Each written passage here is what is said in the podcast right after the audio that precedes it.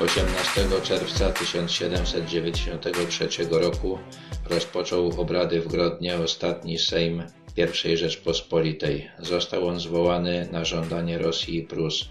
Już w styczniu 1793 roku te państwa ustaliły, jakie ziemie od Rzeczpospolitej oderwą, a Sejm miał te zabory zalegalizować. Posłów z ziem, które miały być oderwane, już nie wybierano. W pozostałych przypadkach sejmiki były nadzorowane przez Konfederację Targowicką i wojska rosyjskie.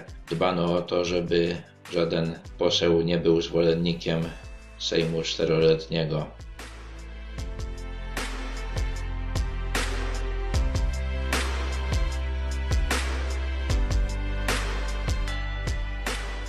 W większości posłowie na ten Sejm godzili się na odegranie roli, którą im wyznaczono. Wobec opornych najczęściej wystarczała groźba zasekwestrowania majątku.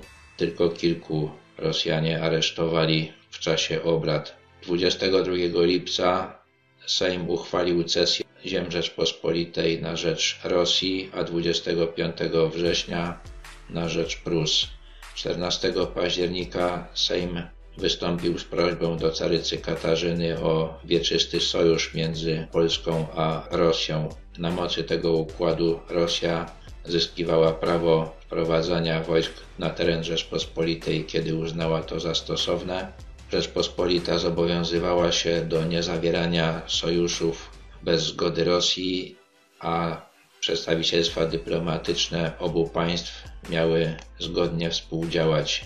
Podsumowując obrady, poseł rosyjski Jakub Zivers powiedział Król był zbyt nikczemny i rozkoszy chciwy, ażeby mimo wszelkie przeciwne zachcianki gruźb się nie uląkł.